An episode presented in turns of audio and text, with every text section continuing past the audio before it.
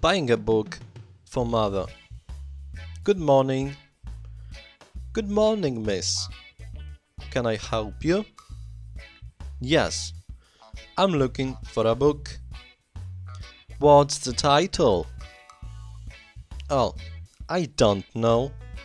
I'd like to buy a book for my mother. It's her birthday tomorrow. Could you help me find something suitable? Certainly, miss. Something in fiction? A love story, perhaps? How about this one? The Lonely Heart. It's very interesting.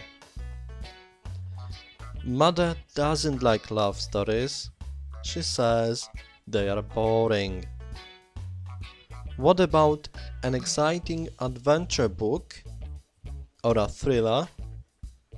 Or a detective story? We have a very good selection. The best books on the market. Have you got any good historical novels? Well, this is a very interesting new book. Mary of Holyrood Palace by Graham Grant. Mary of Holyrood Palace. This must be Uncle Graham's latest book. Yes, I have it.